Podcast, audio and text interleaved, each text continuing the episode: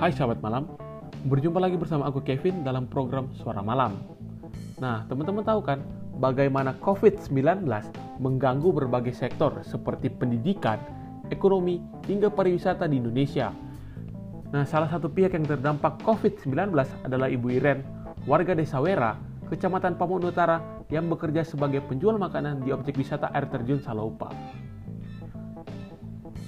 Ibu Iren bercerita, saat awal pandemi, dia harus menutup warung makannya selama tiga bulan.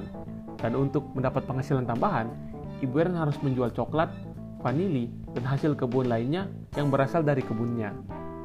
Nah sedikit informasi tambahan aja nih buat teman-teman.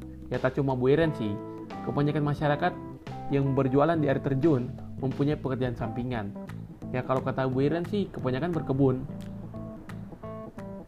Nah, akhirnya pada bulan Juni lalu, Ibu Ren pun mulai berjualan kembali dengan menerapkan protokol kesehatan seperti menyediakan tempat cuci tangan dan membersihkan tempat makan pengunjung yang datang dengan menggunakan sabun.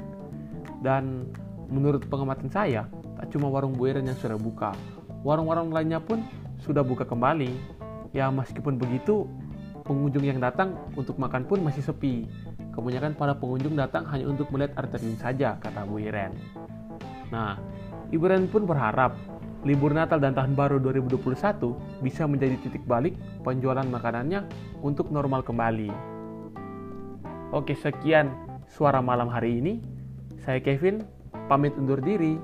Dadah.